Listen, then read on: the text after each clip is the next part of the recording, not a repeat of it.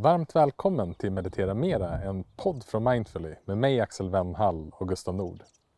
Nu är vi tillbaka med en eh, rykande ny säsong och det här är sjätte året som vi spelar in Meditera Mera och vår intention kvarstår. Vi vill träffa människor som på olika sätt kan inspirera oss att meditera mera. Det betyder inte nödvändigtvis att vi ska ägna mer tid åt den formella meditationen, även om det kan göra det. Det djupare syftet med Meditera Mera är att tillsammans med våra gäster undersöka hur vi kan leva ett mer närvarande och medvetet liv. Ett liv som fylls av mer frid och medkänsla än av stress och oro. Jag gillar att kalla det ett vackert liv, där vi välkomnar alla delar, men det skulle också kunna ses som ett mer autentiskt liv, där vi kan vara oss själva. I vårt första avsnitt är vi på väg till Bagarmossen i Stockholm för att träffa Kalle Lindqvist för att prata om meditation och sårbarhet. Kalle Lindqvist var bankchefen som gjorde ett lappkast i livet. Från toppchef inom finansbranschen startade han en stiftelse för stöd till utsatta ungdomar och barn och började även arbeta med elever som har behov av särskilt stöd. Kalle har även praktiserat inom psykiatrin på såväl psykos som allmänpsykiatriska avdelningar och han är utbildad gestaltterapeut. 2016 grundade Kalle Sårbarhetsdepartementet som håller i workshops på olika teman, gestaltterapi och där han även ägnar en stor del av sitt arbete åt att forska kring skam och perception. Inte skam som känsla utan som regleringsfunktion, det som gör att vi visar oss själva eller inte. Och sårbarhet är precis det vi ska prata om med Kalle. Vad är sårbarhet? Varför är vi så många som har så svårt att visa vår sårbarhet? Vad kan vi lära oss utav den? Och vilka tips har Kalle till alla oss som vill leva ett mer närvarande och medvetet liv?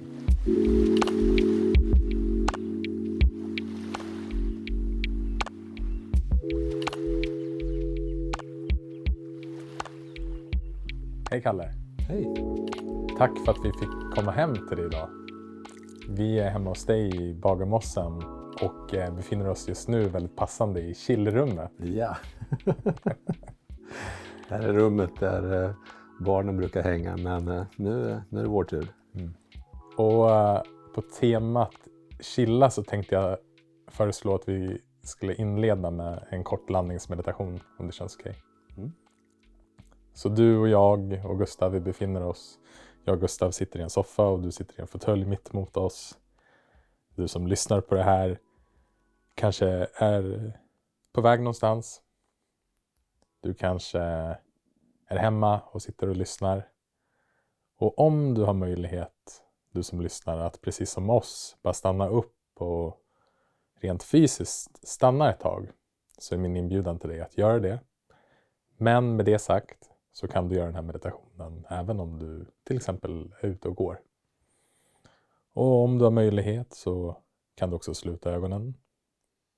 Samma sak här, det går alldeles utmärkt att meditera med öppna ögon. Och I den här eh, landningsmeditationen så vill jag bjuda in oss alla till att först rikta uppmärksamheten in i kroppen och bara notera känna, observera vilka fysiska förnimmelser som din kropp ger dig just nu.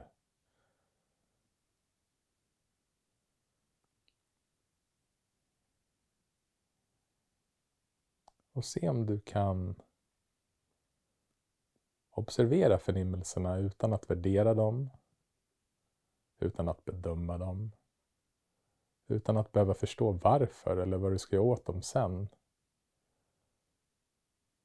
Utan nyfiket, tillåtande och vänligt. Undersök hur din kropp känns just nu.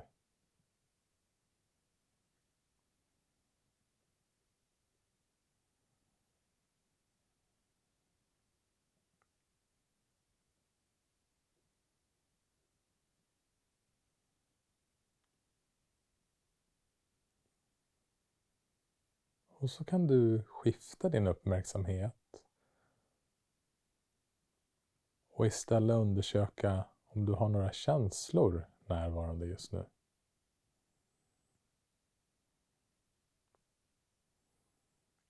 Du kanske har en väldigt tydlig känsla. du kanske har flera olika känslor. Eller så kanske det känns mera neutralt. Bara inventera vad som händer i ditt känsloliv just nu.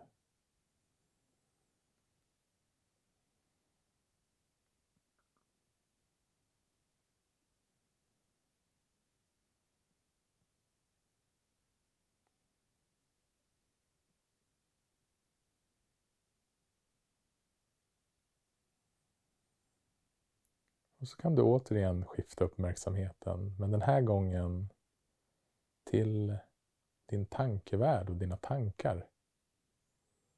Se om du bara nyfiket kan observera vilka tankar som uppstår i dig. Och se om du kan vara medveten om dem, men utan att engagera dig i dem. Alltså att du följer med i tanken. Tänker något igenom, planerar eller analyserar. Så bara observera de tankar som kommer till dig.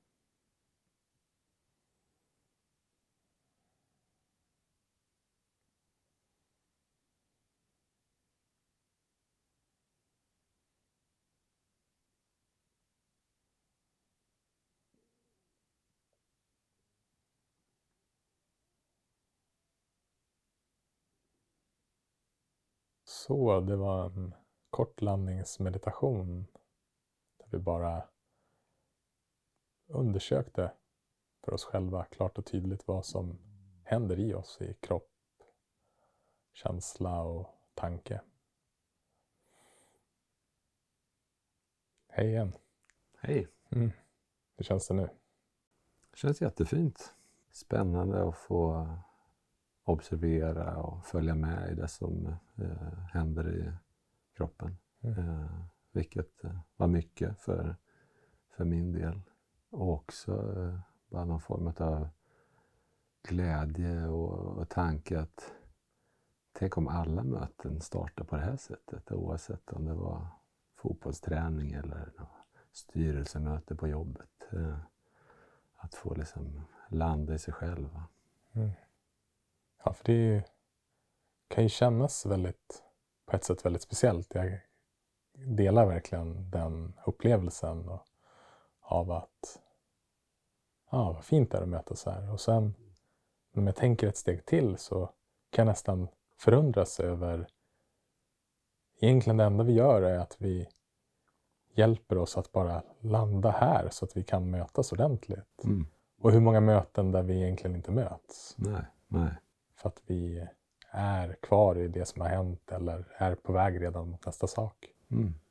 Och jag tror att många kan nog känna igen sig i att det eh, stressas till, till möten och då en stor del av mötet, kanske hela, eh, försöker kroppen att landa men får inte göra det. Så att vi, vi kanske egentligen aldrig möts fast vi sitter i samma möte. Så det skulle vara väldigt spännande att bara se eh, om man hade någon form av undersökning. Vad, vad, blir det, vad blir det för några skillnader, eh, om det nu blir några, eh, om man startade möten på det här sättet jämfört med att bara pang på. Mm. Jag vet att det finns forskning som inte har specifikt studerat just hur mötena förändras, men säg att den här korta landningsmeditationen vi gjorde tillsammans kanske var på ungefär tre minuter. Mm. Det finns viss forskning där man har studerat vad som händer i människor när man mediterar i tre minuter. Mm. Och det pekar på att det ger effekt. Mm. mm. Och det kan man ju själv uppleva. Mm. Ja, ja. ja. ja verkligen. Och det jag kan känna hur jag är eh, mer avslappnad. Från att ha känt någon form av nervositet, vilket i och för sig kanske var mer eh, tankar jag hade. Eh, men de kroppsliga förnimmelserna var känna hjärtat slå, känna pulsen, eh, vilket är lätt förknippat med lite nervositet. Men jag kan ju också välja att säga att jag förbereder mig för, för det samtal som, som vi ska ha. Och att ja, det är väl inget konstigt att känna sig lite nervös. Jag vet inte vad vi kommer att prata om. Så att, eh, ja. Men nu har jag fått stifta bekantskap med, med den delen av mig som, mm. som signalerar att det, det är lite, lite pirrigt. Mm. Jag hade en upp, liksom någon insikt för några år sedan just kring nervositet. Och framförallt i, ja, men i början när vi spelade in podden så upplevde jag ganska mycket nervositet. Men just den här insikten att nervositeten pekade ju tillbaka till mig att det här är någonting du bryr dig om. Mm, ja. Mm. Så när jag känner nervositet idag så kan jag nästan bli glad att ja, jag upptäcker det. Ja, så, ah, just det, mm. det här är ju viktigt för mig. Mm, ja. Jag bryr mig här. Ja, och det, och det där tror jag det är jätteviktigt att förmedla till andra också. Att jag med, det här att vara nervös och pirrig och ha lite hjärtklappning och sådär det, det, är inte så eh, att det är, är någonting negativt. Däremot så kan det bli så att man översätter det till att vara någonting negativt. Jag borde eh, vara helt cool eh, nu och avslappnad och sådär. Ja men vadå, istället kan man precis som du säger säga till sig själv att oj, jag märker att det här är viktigt för mig nu. Eh, och att då, det som i alla fall för mig var, var bra med den här landningen var ju att jag märkte hur steg för steg eh, de olika delar av mig som fick uppmärksamhet, ja de eh, lugnade ju ner sig så att säga. Eller, eller nej, jag vill ändra. De blev hörda. Mm. Så, de blev hörda och sedda. Och då kunde jag liksom gå vidare. Så nu känner jag mig eh, avslappnad på ett annat sätt. Eh. Jag hörde någon meditationslärare beskriva egot som en omogen tonåring. Men, och jag tänker att det är, det finns liksom en, en sanning i det att det, det fina med, med att stanna upp är att vi kan få möta alla delar av oss själva. Jag tyckte det var väldigt fint det du sa där, att ja, men, de får bli hörda. Mm. Mm. Att ibland behöver man inte göra någonting utan det gäller bara att lyssna. Mm. Ah, mm. Okej, okay. Mm. det här är det som händer och mm. det här är vad som är levande i mig just nu. Ja. Och samtidigt som när man gör det, se att just det, men det finns ju en del av mig som är medveten mm. om den här nervositeten eller de här delarna. Mm. Om den här tonåringen i mig. Mm. Ja. Så jag slipper vara helt identifierad med den biten. Mm. Jag tror det här kan appliceras på allt som man upplever i sig själv oavsett om det är tankar eller känslor eller kroppsliga eh, förnimmelser. Vad det än är Eh, är ju information egentligen. Med, om eh, folk eh, kör eh, bil eller vad man nu ska hitta på och det blinkar någonting, det kommer någon signal. Det, det är inte så att man bara ignorerar det. Däremot tror jag att det finns många kroppsliga signaler som man av olika anledningar väljer att inte eh, lyssna på eller köra över. Eh, och det, det, är lite, det är lite sorgligt för det är inga, det är inga slumpmässiga budskap som, som skickas ut. Tvärtom, det, allting är ju, är ju viktigt. Eh, och det, tror jag, det kan man märka när man börjar och, och, och lyssna lite på sig själv. Oavsett om det är någonting som väcker obehag eller, eller eh, om det har någon mer positiv karaktär. Eh, så att eh, kroppen och då menar jag verkligen kroppen, levda kroppen, är, alltså, även, jag inkluderar tankar där också, att, eh, är värd att lyssna på. Var det så för dig att eh, du inte lyssnade på, på kroppen? För du skriver bland annat på din hemsida att du gick från toppjobb inom finans. Mm. Vad, vad befann du dig i livet då och vad, vad hände? Vad hände precis? Eh, Ja, då, jag var ju eh, under ett antal år i en position som eh, ytligt sett kan betraktas som väldigt lyckad med, som chefsposition och hög lön och bonus och personalansvar. Och, men det fanns en återkommande upplevelse av att jag eh, var på fel plats. Lite så. Eh, jag fick någon form av signal från mig som, eh, som jag väl eh, uppfattade men sen eh, körde vidare. Eh, och det är lätt att, att fastna när det finns ekonomiska incitament. Eh, man har familj och eh, ekonomiska behoven är eh, stora. Man ska skaffa hus och allt möjligt. Så det, det, det var lätt att, eh, att bara gå vidare. Men sen, eh, sen fick jag möjlighet, jag fick eh, en, en coach, Harriet heter hon, som jag fick eh, möjlighet att, att eh, samtala med eh, och där jag då kunde få fatt i, där jag egentligen kunde ja, stanna upp i vad, vad vill jag egentligen? Och då i det så upptäckte jag ju bland annat att jag ville träffa människor mer men inte att prata om pengar utan prata om, om annat. Djupare samtal. Så att eh, tanken var ju egentligen med de samtalen att utveckla mitt ledarskap men det slutade med att jag avvecklade eh, mitt ledarskap. Eh, eh, men jag är väldigt, väldigt tacksam för att jag, för att jag fick ha de eh, samtalen och fick de insikter som, som kom. Och det är ju, ska man sammanfatta det så är det egentligen att stanna upp. Det går att upptäcka väldigt mycket om man, om man stannar upp. Och om man vänder på det också, om man inte stannar upp så kan man hålla på och springa hela livet tror jag. Eh, om man dessutom kanske har någon idé om att det är inget bra att stanna upp, att det finns risk att det kommer upp gammalt, eh, gammalt grofs i, som man inte vill eh, ta tag i. Men eh, att stanna upp tillsammans med någon som man har förtroende för eh, är så värdefullt. Mm.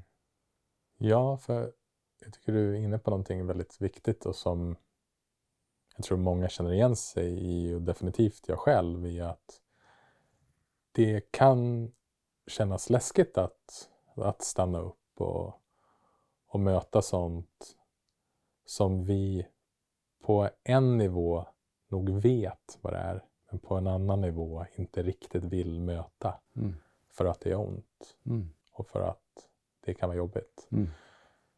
Problemet är ju bara att när, när vi inte möter det där så påverkas vi av det ändå. Precis. Det du beskrev där, att det liksom kändes lite fel. Det, mm. Ibland brukar jag också kalla det som att det är ett, som ett skav mm. som man mm. går runt med. Mm. Det är jäkligt jobbigt att leva livet med det här skavet. Mm.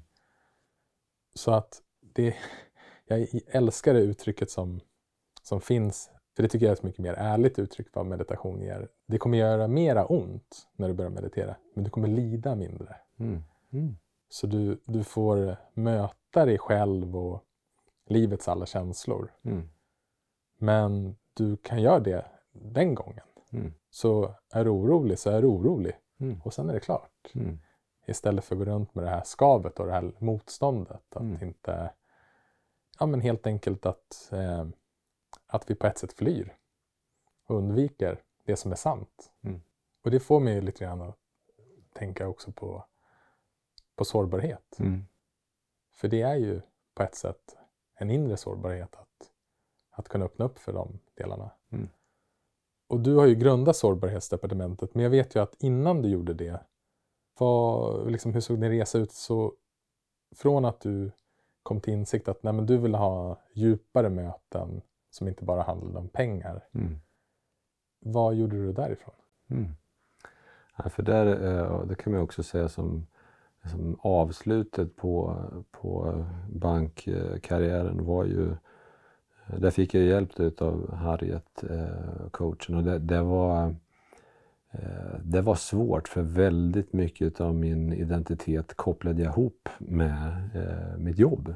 Eh, och, men, men, när jag väl eh, hade kommit därifrån, eh, jag började plugga pedagogik eh, och så startade jag en eh, stiftelse som, som heter Polstjärna som var egentligen en crowdfunding-plattform för sociala mikroprojekt Eh, i Stockholm men på en del andra platser i, i, i landet. Så att, eh, eh, idén där var att samla in pengar då från privatpersoner och företag till eh, lokala eh, projekt eh, som drevs av eldsjälar. Det kunde vara, eh, vi hade projekt kring hemmasittare, elev, barn som inte gick i skolan, eh, kriminella ungdomar, det fanns projekt runt eh, självskadebeteende bland tjejer.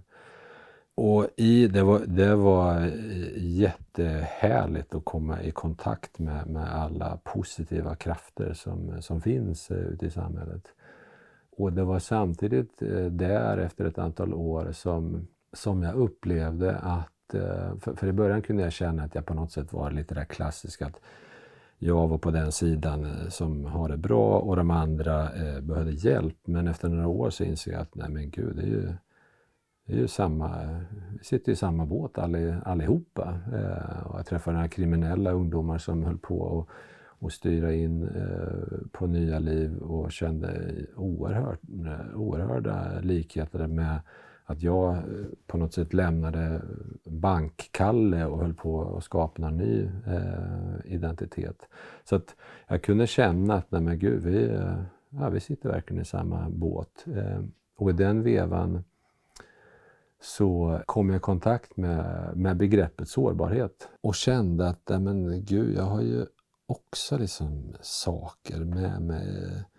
Även om jag har haft en liksom bra uppväxt. Så det, det, finns saker som, som jag har med mig som jag ville eh, undersöka. Ja, det är skav som, som du pratade eh, om.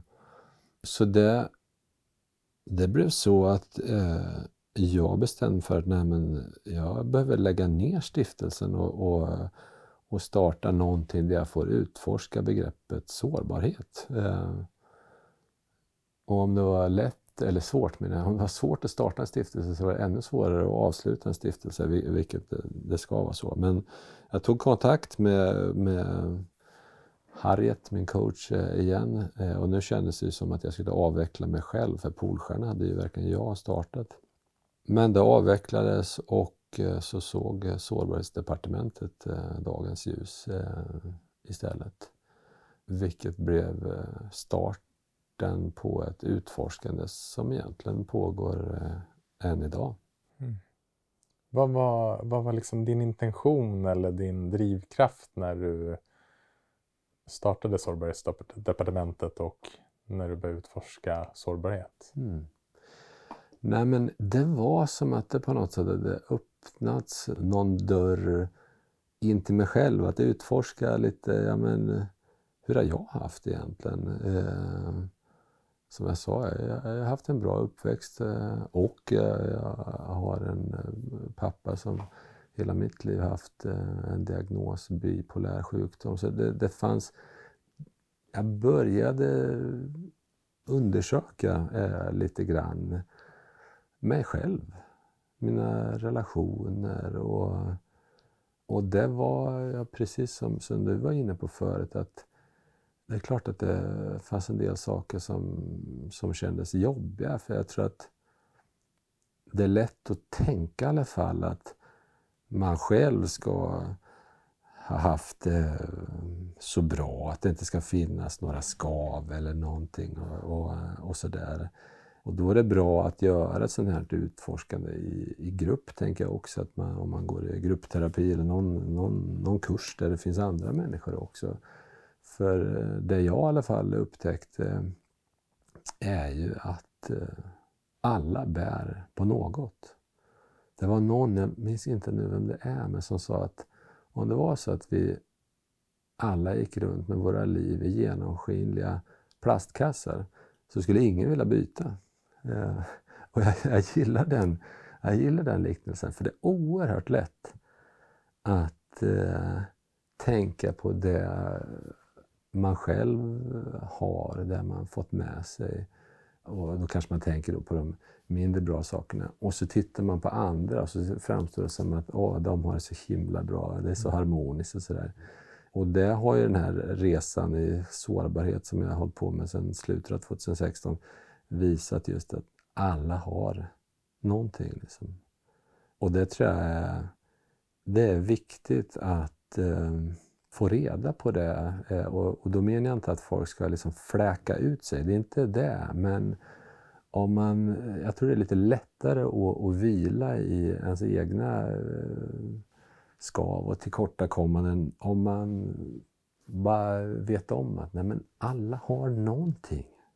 Det är, liksom, alltså, det är mänskligt. Det finns inga perfekta människor. Hur perfekta de än verkar i Instagramflödet så det finns inga.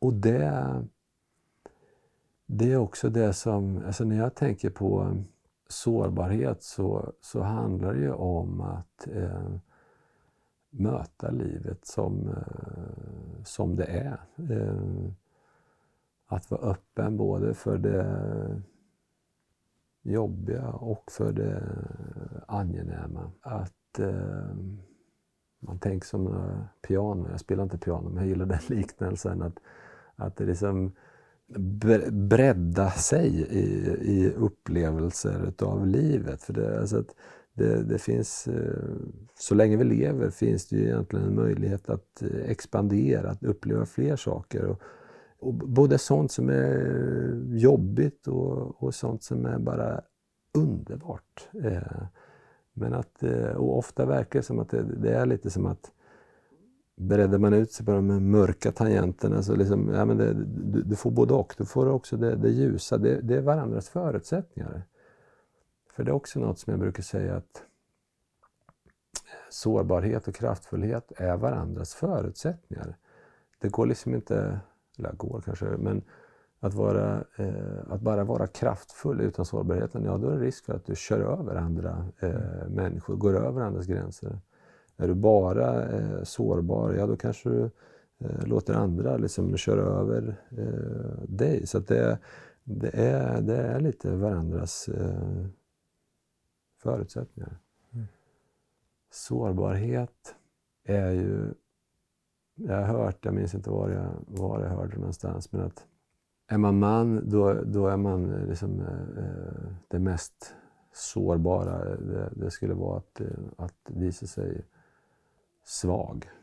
Och är man kvinna, det skulle vara att visa sig att man har skavankerna, fel och, och, och brister. Eh, och jag vet inte det, hur det eh, landar hos, eh, hos, hos den som lyssnar. Men jag vill ju lyfta fram att eh, sårbarhet eh, handlar ju inte om svaghet eller liksom, något dåligt utan egentligen mer en öppenhet för, för livets eh, olika nyanser.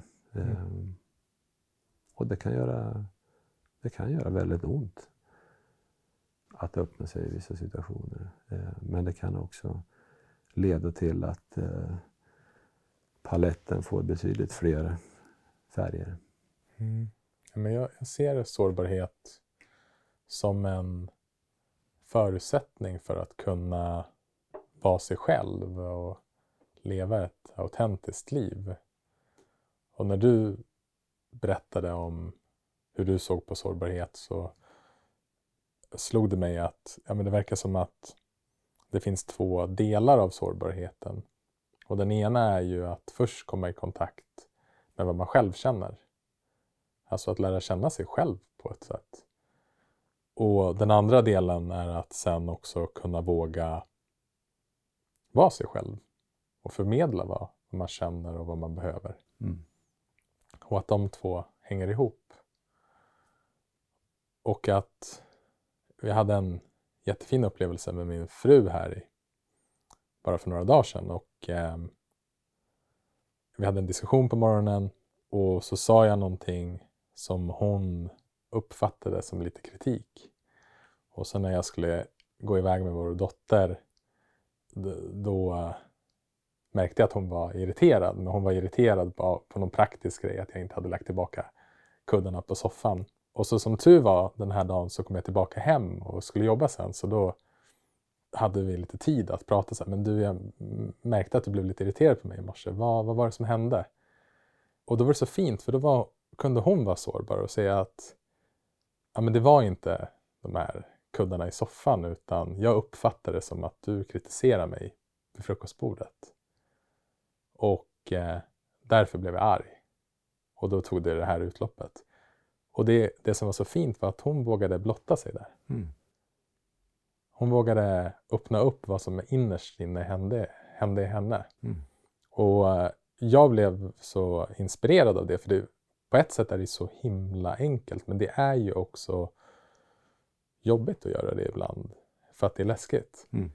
Men jag blir också inspirerad för jag inser hur ofta jag själv inte riktigt vågar göra det utan att jag kanske fastnar i den där kudden. Mm. Fast det är liksom längst inne är det någonting annat mm. Mm. som vill blotta sig. Mm. Och det, och det som hände när hon gjorde det var ju att vi, från att haft liksom en, en liten konflikt på morgonen, till att vi kom jättenära. Mm. Och det har jag också upplevt i de gånger vi håller retreat. Så skulle man i princip kunna säga att man inleder med att alla deltagare berättar om vad de har för intention med varför de kommer på retreatet. Mm. Och sen mediterar vi eller vandrar eller vad vi nu gör. Och sen avslutar vi med att säga okej, okay, men vad tar jag nu med mig från retreatet? Och de här två, alltså intentionsövningen i början och man skulle kunna kalla som en sorts tacksamhetsövning i början. De två är minst lika mycket värda, om inte mer, som alla övningar som man gör här emellan. För i de stunderna så får vi dela vår mänsklighet. Mm. Och det är, eh, det är en otroligt stark och fin och läkande upplevelse. Att få vara i ett sammanhang där människor är sårbara. Mm. Och där också människor möter varandras sårbarhet med respekt. Mm. Det, jag, liksom, jag kan inte tänka mig, det är kärlek. Mm kärlek. Och den kärleken hade man aldrig kunnat varken fått ge eller ta emot. Om man inte vågar blotta sig. Nej. Jag, jag, jag blir, blir varm inombords när, jag, när jag hör eh, eh, din, din berättelse om, om dig och din fru. Jag tror, jag tror många som lyssnar kan känna igen sig. Och det, det, eh, kanske inte är kudden i, i, i, deras fall, utan det är någonting helt annat. Liksom som, som, men du pekar ju på någonting viktigt. Och eh, Dels tänkte jag på det här att, att komma tillbaka, att kunna, för jag menar, i det praktiska livet blir det ju så ibland, man måste säga hej då, man ska iväg till jobb eller lämna barn eller någonting. Men att, att komma tillbaka och kolla av med varandra, liksom, hur, hur blev det där för dig? Och, och så, är ju så otroligt eh, viktigt. Och där Eh, är min upplevelse att det finns inget bäst före-datum. Det där kan man plocka upp eh, när som helst eh, egentligen. För har man inte kommit till ett avslut så det, det är någonting som, som liksom blir kvar i en eh, oavslutat. Eh, och att få komma tillbaka, eh, reda ut. Eh, ja, det är också min upplevelse att det leder till ett, ett riktigt möte där man liksom ser varandra.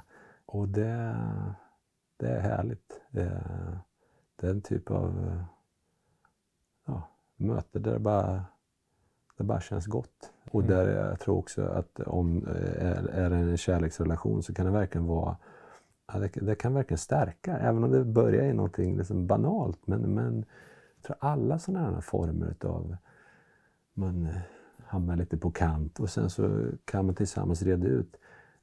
Det är ju också en signal både till sig själv och ens partner att vi kan klara av sådana här saker. Nästa gång det händer så har vi en erfarenhet av att ja, men vi redde ut det där.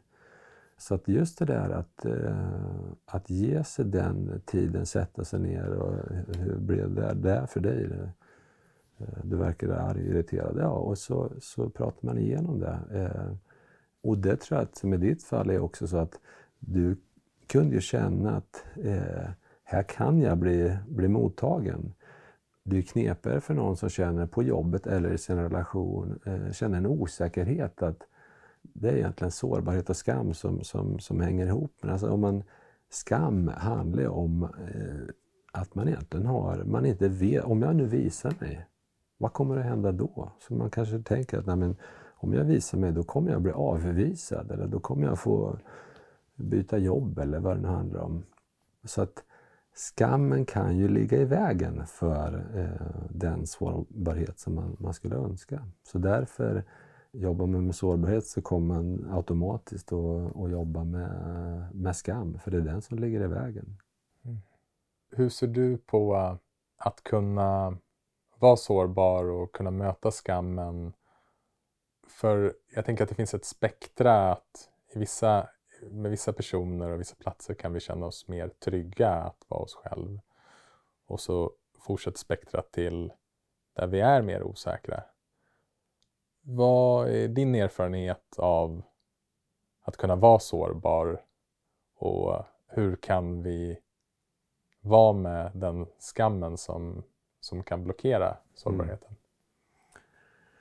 Äh, men min erfarenhet, eh, jag har kommit att tycka om att vara sårbar och jag har varit eh, sårbar i sammanhang där det inte har tagits om hand och det har gjort eh, ont.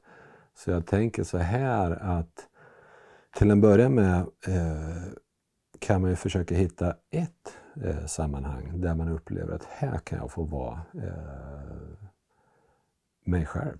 Och det vill jag säga att det är inte, alltså det är inte så himla självklart det. Alltså det, kan vara, det kan vara knepigt även eh, om man lever i, i en kärleksrelation. Att är man inte van vid det så är det ju läskigt att blotta sig. Alltså på samma sätt som men det är ju som att klä av sig naken liksom i alla eh, bemärkelser. Så när jag arbetar med klienter med, med skam så, så det är egentligen ett arbete som påminner väldigt mycket om traumarbete. Alltså, less is more, slow is faster, lite sådana eh, haranger som, som man eh, lutar sig mot. Men att, så att börja väldigt försiktigt och eh, om, det inte ens, om man inte upplever att det, det känns naturligt att starta i, i, i relation man lever i, men kanske finns eh, någon kompis eh, som man kan prata med, med saker om när man känner sig dålig och så. Och det är lätt, min erfarenhet i alla fall, att det är lätt att sugas med. Alltså om man visar sig sårbar i något sammanhang och känt åh, oh, wow, gud vad härligt det här var. Åh, oh, fantastiskt. Då vill man nästan göra det i vilket sammanhang som helst. Och det, och det där finns lite risk att då kanske man Gå på några miner och, och, och så blir man lite rädd igen. Så att, för det är inte... Min erfarenhet är att eh, många sammanhang, där är det inte eh, så himla... Vad ska jag annars uttrycka? Men det, det, det är väl inte att det är ovälkommet, men det, det är många miljöer som är ovana vid att människor visar sårbarhet. Menar, hur många arbetsplatser finns det där, där folk eh, där det är naturligt att bli ledsen eh, på, på något möte. De, de allra flesta tror jag skulle känna att gud, det var det värsta som kan hända. Liksom. Men, men egentligen är det väl inget konstigt att, att man blir ledsen i vissa sammanhang. Så att, det, men jag tror man får man får eh, väl träna upp sig eh, lite grann stegvis. Mm. För det är ju också som så att, precis som du är inne på, att ju, ju mer man... För, för, för mig så hänger också sårbarhet och ärlighet väldigt tätt samman. Och sårbarhet, ärlighet, förmågan att just vara mig själv. Och jag tänker att ens bästa vänner är väl ens bästa vänner för att man har den tryggheten att kunna vara sig själv förhoppningsvis med dem. Min erfarenhet är att även om jag inte är sårbar och det finns situationer där jag inte riktigt vågar vara det så behöver jag samtidigt vara medveten om att då gör jag avkall på att vara mig själv i den situationen. Jag är inte helt autentisk. Och kanske också, jag ser hur det här landar i dig, men att släppa alla förväntningar på att du ska bli mottagen i din sårbarhet. Det är klart att det är betydligt härligare att bli det. Men så ser inte världen ut. Men du har fortfarande ett val om du vill vara sann mot dig själv. Och att det också kanske kan ge en indikator till, ah, okej, okay. men här kan jag inte riktigt vara mig själv. Jag tillåts inte vara mig själv och vara sårbar i den här miljön. Är det här en miljö som jag behöver befinna mig i eller som jag ska vara i. Att det på något sätt kan också ge någon sorts, ja, vad ska man säga, någon, någon sorts eh, riktning i, i livet. Att om jag vill leva ett autentiskt liv där jag vill, kan vara mig själv, mm. så vad, vad, innebär det? Mm. Och jag, eh, när jag lyssnar så jag tänker som så att vi alltid är autentiska i vad vi än gör. Alltså även när vi håller tillbaka eh, det sårbara så eh, är vi autentiska. För, för, annars kan det lätt bli att, att eh, det är ungefär som att visa sig sårbar, det, det, det är något bra och positivt och inte visa sig sårbar, det, det är inte bra. Men att mer bli lite nyfiken på sig själv, eh, eh, hur man då växlar lite. Att i vissa situationer, ja men då öppnar jag upp och sen i andra gör jag det inte. Att bli nyfiken, nyfiken på, på den eh, växlingen. För att det är så att vi, vi eh, till en början eh, är ju omedvetet så reglerar vi eh, hur öppna vi är beroende på vilken situation vi är i. Om vi är hemma hos våra föräldrar eller tillsammans med vår kärlekspartner eller, eller på jobbet. Så, så, så vi, vi växlar lite där. Men eh, det är först när vi blir lite medvetna om, eh, om det där som vi också eh, sen lite mer medvetet kan växla. Eh, så att det inte bara är liksom en automatlåda som vi egentligen inte vet hur den funkar. Så att, för det kan ju vara så att när vi får syn på att oj vad jag håller tillbaka när jag är hemma hos mina svärföräldrar eller, eller vad det är.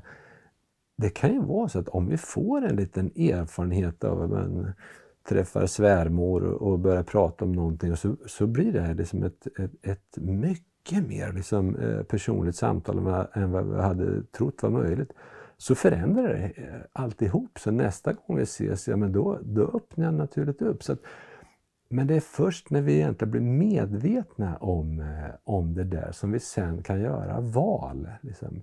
Vad, och, och också liksom fråga oss själva, okej okay, om jag öppnar upp, vad, vad, vad kan hända då? Om jag håller tillbaka, vad kan hända?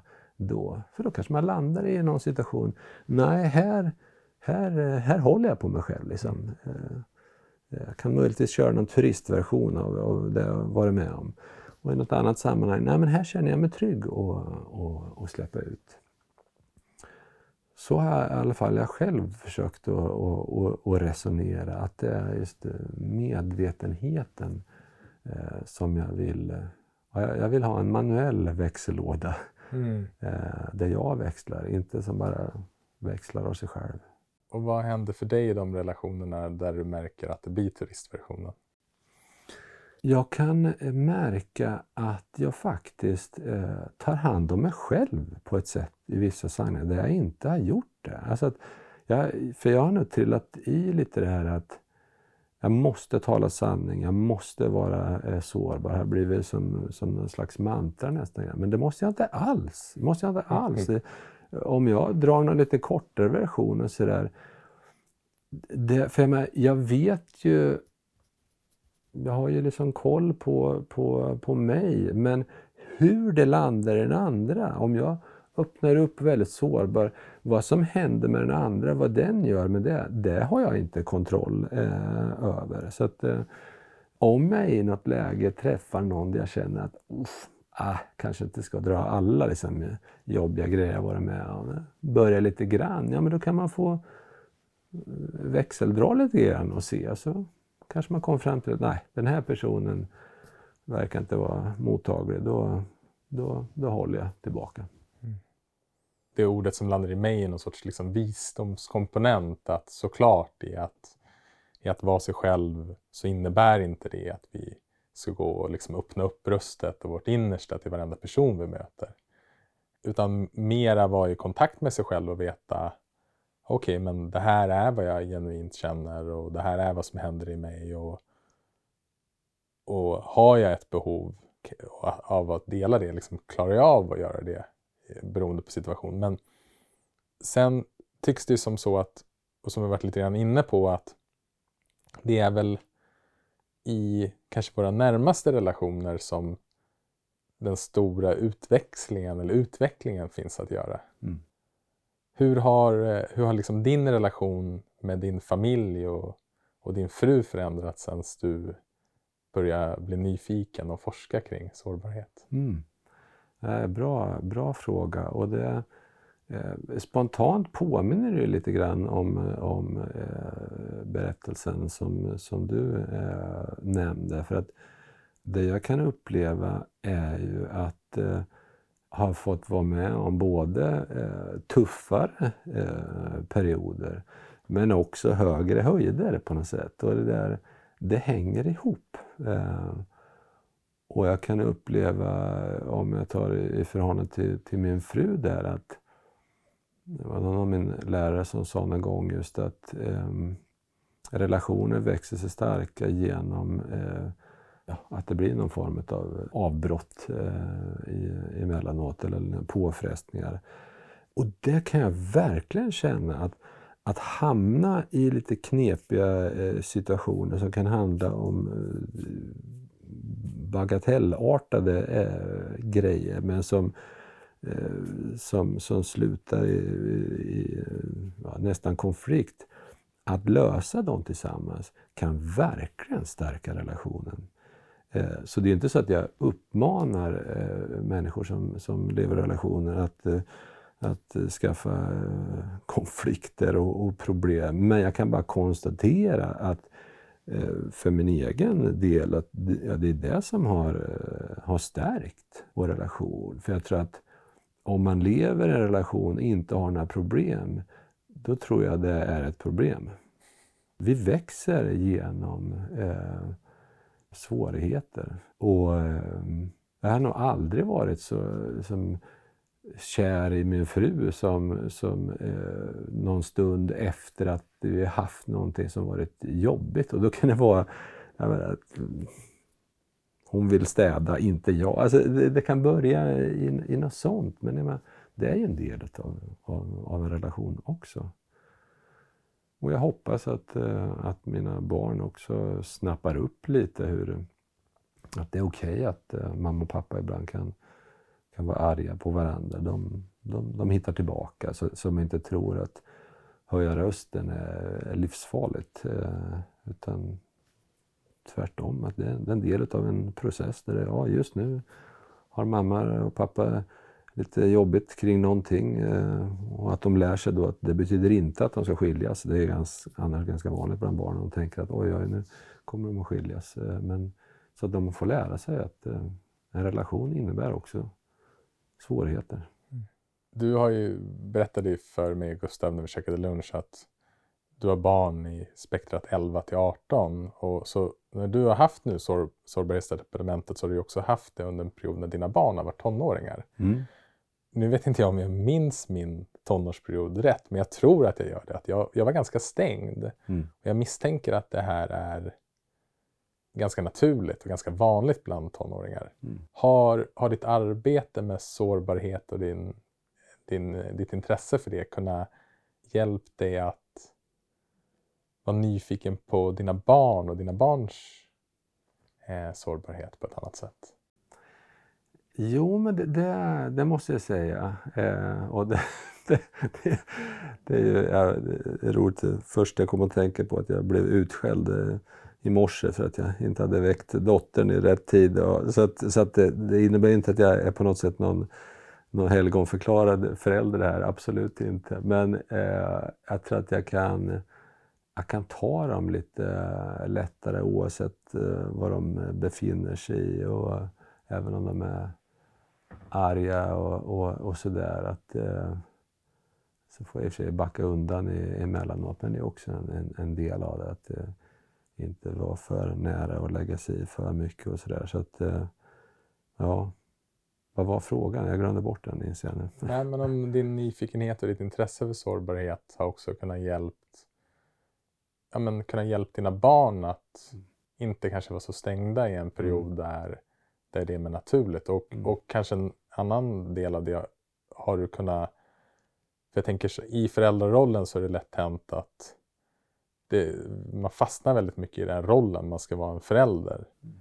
Men har du själv kunnat vara sårbar gentemot dina barn? Mm.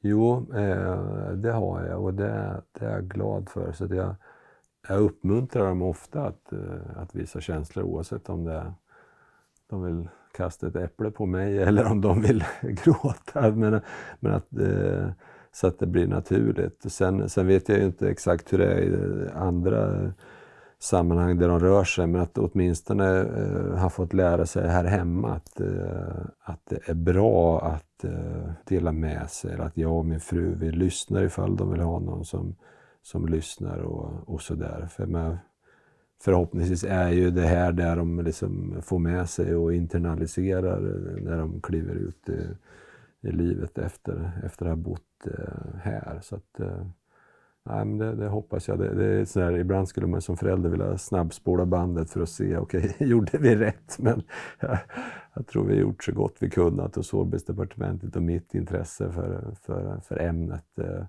Jag vet ju att de vet om vad jag håller på med. Så att,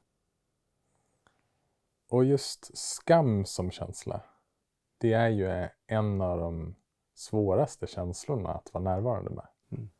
Har du, vad har du upptäckt när skam kommer och hälsa på dig?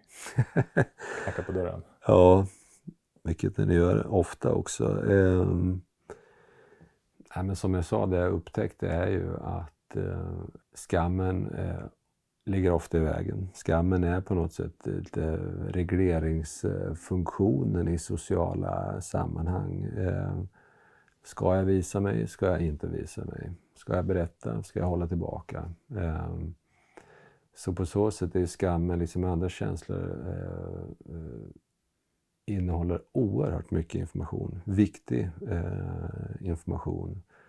Det jag har försökt göra med mig själv och håller på med är ju att eh, inte bli av med skammen, vilket annars är, det är en väldigt naturlig impuls att på något sätt komma bort från det.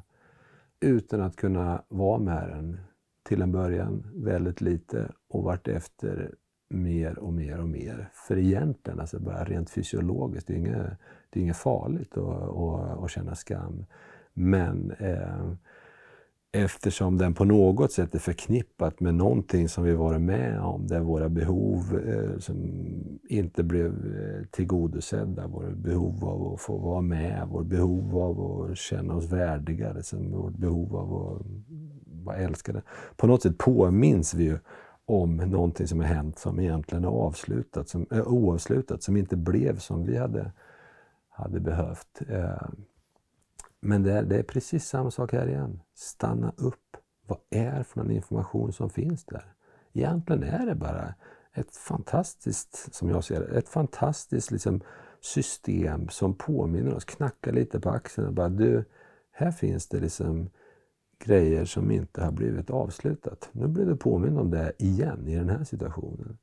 Så det är ett jättebra sätt eh, om man kan ta det i ett sammanhang tillsammans med personer där man känner sig trygg, eh, att öppna upp, att titta på vad är det för någonting egentligen som skammen vill, vill säga mig. Mm. Men det är väldigt lätt att eh, inte göra så och istället eh, racka ner på sig själv, racka ner på andra, att totalt förneka liksom, eh, att man känner skam eller att eh, liksom, dra sig undan de, den klassiska skamkompassen som jag tycker är ett väldigt eh, bra sätt att visualisera eh, de skamreaktioner som, som vi ser. För det är, det är normalt att vilja undvika skammen eftersom den är så smärtsam och jobbig som känsla. Men gör vi det så går vi helt miste om information om oss själva som är som är jätteviktig. Mm. En av de viktigaste insikterna jag fått den senaste tiden är när det kommer till att sätta gränser. Och det var insikten att när man sätter en gräns, och det kan såklart vara olika för olika personer, men när man sätter en gräns och framförallt om man är ovan vid att göra det så kommer du känna skam. Mm. Mm. Det var så upplysande att bara få eh, bli medveten om det. Mm. För då fick jag också en förståelse varför jag i vissa fall inte haft, varför jag haft svårt att sätta gränser. Och när jag blev medveten, ah okej, okay, det här är priset jag ska betala mm. för att sätta de här gränserna som är viktiga för mig. Mm. Så vart det ju mycket, mycket lättare att, ah, ja men nu kommer den och kunna välkomna den och vara med den och inse att det är ingen fara. Det är... Och ju mer vi kan sen göra det desto mjukare kanter kanske man kan säga blir det på skammen. Den blir, liksom, det blir inte lika vasst utan mm. vi lär oss och vi lär oss. Och så det, det var en uh, jättelärorik insikt jag hade här och den kom bara för någon månad sedan eller två. Och skam är ju jättekopplat till gränssättning. Mm. Så att, jag med, att som du sa, att sätta en gräns, det betyder ju här är jag. Mm. Och att kunna stå för det. Mm. Och om det är ett sammanhang där man kanske inte eh, Eh, klivit fram tidigare så eh, inte konstigt att, eh, att det kommer eh, skam som på något sätt eh, kanske säger Vem tror du att du är? Liksom. Bara, tror du att du eh, kan sätta en gräns så där långt fram? Liksom? Hallå? Eh, så att, eh, men där är ju skammen ungefär som nervositeten i början eh, när vi pratar. Bara lite ovana egentligen. Att, och jag tror det finns väldigt många som är osäkra men som skulle må bra av i möten på jobbet eller i möten i olika former av eh, privata relationer. Sätter ni en gräns. Här är jag. Säg nej. Säg nej. kommer mycket skuld också. Mm. Ja, Ja. precis. Det finns förväntningar. Man alltid ska säga ja, alltid ska ställa upp. Mm. Både menar, att, att säga nej är verkligen att markera. Ja, men jag är här fram till där, där gränsen sattes ner. Inte längre än så. Skulle du se det som att man är sårbar när man säger nej? Ja, absolut. absolut. Eh, och där är det det här att sårbarhet och kraftfullhet är varandras förutsättningar. För att det krävs ju en kraftfullhet och en sårbarhet och bara och sätter ner här. Ja. Mm. Jag tror det, vi är jättemånga som kan känna igen att man säger ja på jobbet eller i idrottsföreningen eller någonting när man egentligen skulle börja göra något annat. Man kanske bara skulle vilja vara hemma och eh, bara ligga och dröna lite grann. Och då har man någon röst som säger ligga och dröna hemma. Det, och vad slö du är, liksom, eh, ställ upp nu. Liksom. Men det kanske eh, skulle vara den bästa självomsorg man kunde ge sig. Att säga nej. Men det är svårt. Och du har ju varit inne på, du har använt ordet nyfikenhet flera gånger. Det känns som att där har vi nyckeln. Mm. Att kunna bli mer nyfiken på, ah, vad svårt det var det här med att säga nej. Och vad vill jag själv? Mm. Att det är nyckeln i medvetenhet och att lära känna sig själv.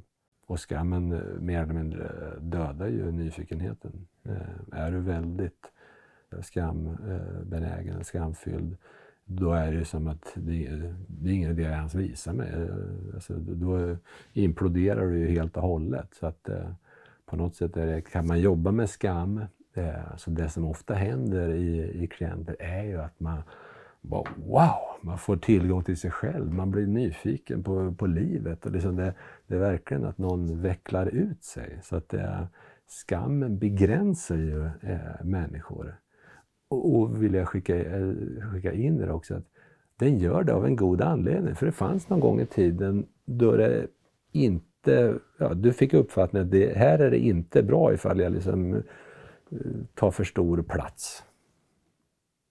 Ja, Så att den finns där av en anledning. Men det som händer när du jobbar med, med skammen och kan vara med den är att du blir nyfiken på livet igen. Lite nykär nästan. Det här är ju ett stort ämne och vi kommer aldrig hinna täcka allting. Men finns det någonting mer som du tycker känns viktigt att ta upp utifrån ditt arbete och de människorna du träffar och det du forskar på när det kommer till sårbarhet som vi inte har hunnit med nu? Ja, men det är väl det där kanske att eh, börja någonstans med, med något, eh, något litet. Ta något steg i, i taget. Eh, och se hur det, hur det blir för dig att, eh, att öppna upp lite mer i, i, i något sammanhang. Så att man inte går in i någon form av att eh, VM i sårbarhet, att den som öppnar sig mest vinner. Eh, för det är inte alls det handlar om. Det är ju egentligen någon form av självomsorg. Eh, det här att eh, ta hand om relationen till sig själv. Mm. Och hur mycket av den man vill visa för andra. Har du någon konkret övning som du brukar kunna ge klienter att mm, det här kan vara en bra sårbarhetsövning att börja med? Mm, ja, men eh, en som handlar lite grann om att, eh, att stanna upp och öka uppmärksamheten på, på sig själv. Det kanske är en övning som du skulle kunna tänka dig att guida här i, Ja, i slutet. Vad fint. Innan jag lämnar över ordet till dig Mm. så har vi en del i, i podden som vi kallar för Fem snabba. ja, Så vi kör. ja. Vilka personer, och då max tre personer, skulle du vilja bjuda på middag? Och det kan vara både levande och döda. Både levande och döda händer. Ja, jag har en eh, Laura Pearls som är en av grundarna till gestaltterapi. Hon, hon har, eh, nästan när man läser hennes böcker så bara, åh, det skulle vara spännande att, att, att träffa. Sen skulle jag gärna bjuda in eh, Gud vad, vad härligt att man bara kan få välja mellan allt som, som finns. Min morfar. Eh, jag skulle vilja ställa frågor nu som vuxen till, till, till honom. För han, han, han levde. Han. Och sen tar vi och eh, avslutar med eh, Nej, hon dök upp. Min franska värdmamma eh, Anne. Då får jag träna på lite franska. Mm. Vilken är din favoritplats på jorden? Jag har några olika platser på eh, Österlen som jag och min fru åker till vart femte år för att liksom, fira minnet av vår bröllopsresa. Så det är underbart. Mm. Om du fick tipsa om en bok eller eh, dokumentär, vad skulle du tipsa om då? Det är eh, intressant. Jag upplever lite prestationskrav på mig själv just nu jag ska tipsa om någonting. Nej, men vad ska jag... Jag gillar eh, Tio tankar om tid av eh, Bodil Jönsson. Jättefin bok. Mm. Den ligger i bokhyllan och eh, en av de här böckerna som, som jag vill läsa men som får vänta lite grann i småbarnsåren. Ja. Vilket är det bästa rådet du har fått? Harriet som, eh, som på något sätt eh, antydde att, att läsa en gestaltutbildning skulle jag nog tycka var bra. Eh, och det dröjde sju år innan jag eh, gick en introduktionskurs eller grundkurs. Eh, men det, det har ju lett mig in på eh, sårbarhet, eh, forskningen och alltihop. Så, att, mm, så det är jag tacksam för. Mm. Och det är egentligen den sista frågan. Vad är du tacksam för just nu?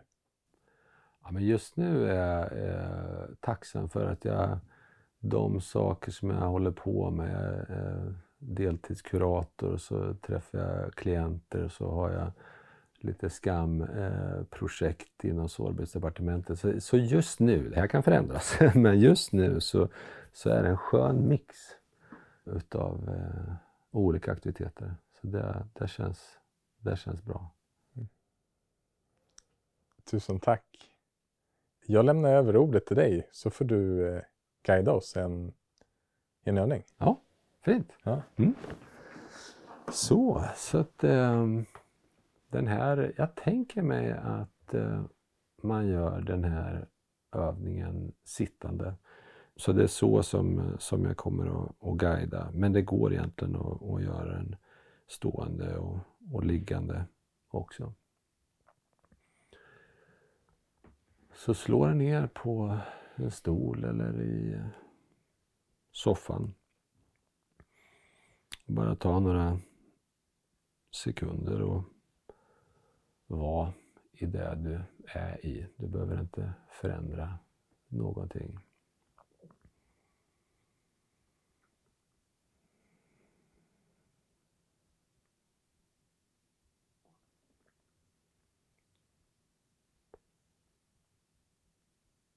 Och sedan skulle jag vilja att du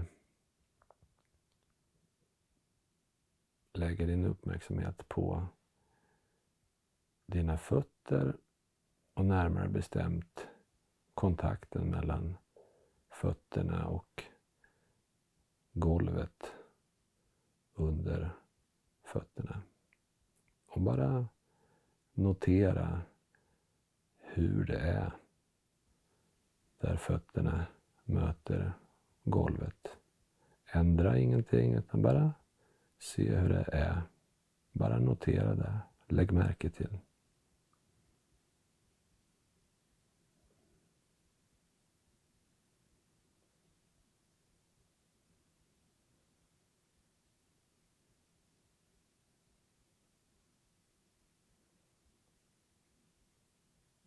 Och sedan flyttar du ditt fokus till där rumpan möter stolen. Och samma sak här, att ändra ingenting utan bara se hur det mötet mellan rumpa och stol, hur det är.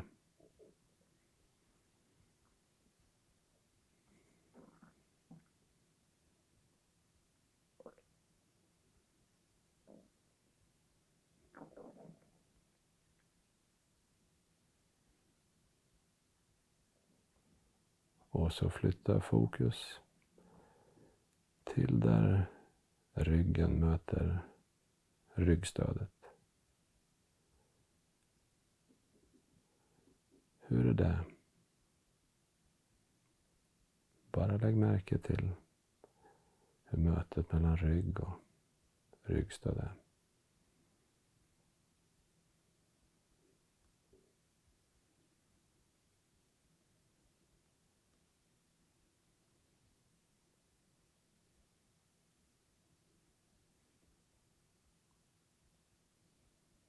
Och så sist, flytta fokuset och nu har du mer fokus mellan armarna och om det är, om du har det uppkavlat så ja, men då kanske armarna och luften som möter huden. Eller om du har något klädesplagg på dig, huden möter klädesplagget. Bara lägg märke till hur, hur det är mötet mellan huden och det som är utanför.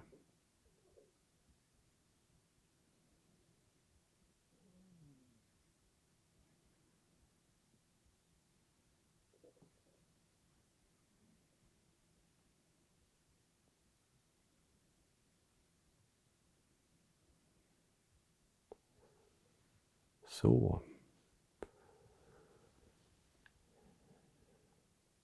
Om jag bara avslutningsvis eh, säger några ord om den här övningen. Så den här går att, göras i, går att göra i all enkelhet. Eh, och syftet är ju att öka uppmärksamheten på mötet mellan det som är jag och det som jag på något sätt kommer i direkt kontakt med som inte är jag. Hur är det mötet? För det är ju i mötet som jag blir till. Det är där jag möter det som inte är jag. Som, där går ju min gräns för vad som är jag. Så syftet med den här övningen är att stanna upp hämta hem sig själv. Och jag tänker att vi sätter punkt där. Tack. Och tack igen för att vi fick komma hem till dig och träffa dig och prata om sårbarhet framförallt. Jättefint. Mm. Tack för att jag fick vara med. Tack för att du har lyssnat på det här avsnittet av Meditera Mera från Mindfully med Kalle Lindqvist från Sårbarhetsdepartementet. Vi hoppas att du har blivit inspirerad av vårt samtal och av Kalles övning. Om du vill komma i kontakt med Kalle så hittar du hans kontaktuppgifter på vår hemsida mindfully.nu. Och är det något vi har tagit med oss från vårt samtal med Kalle är det att på andra sidan sårbarhet finns kraftfullhet. Ta hand om dig så hörs vi snart igen.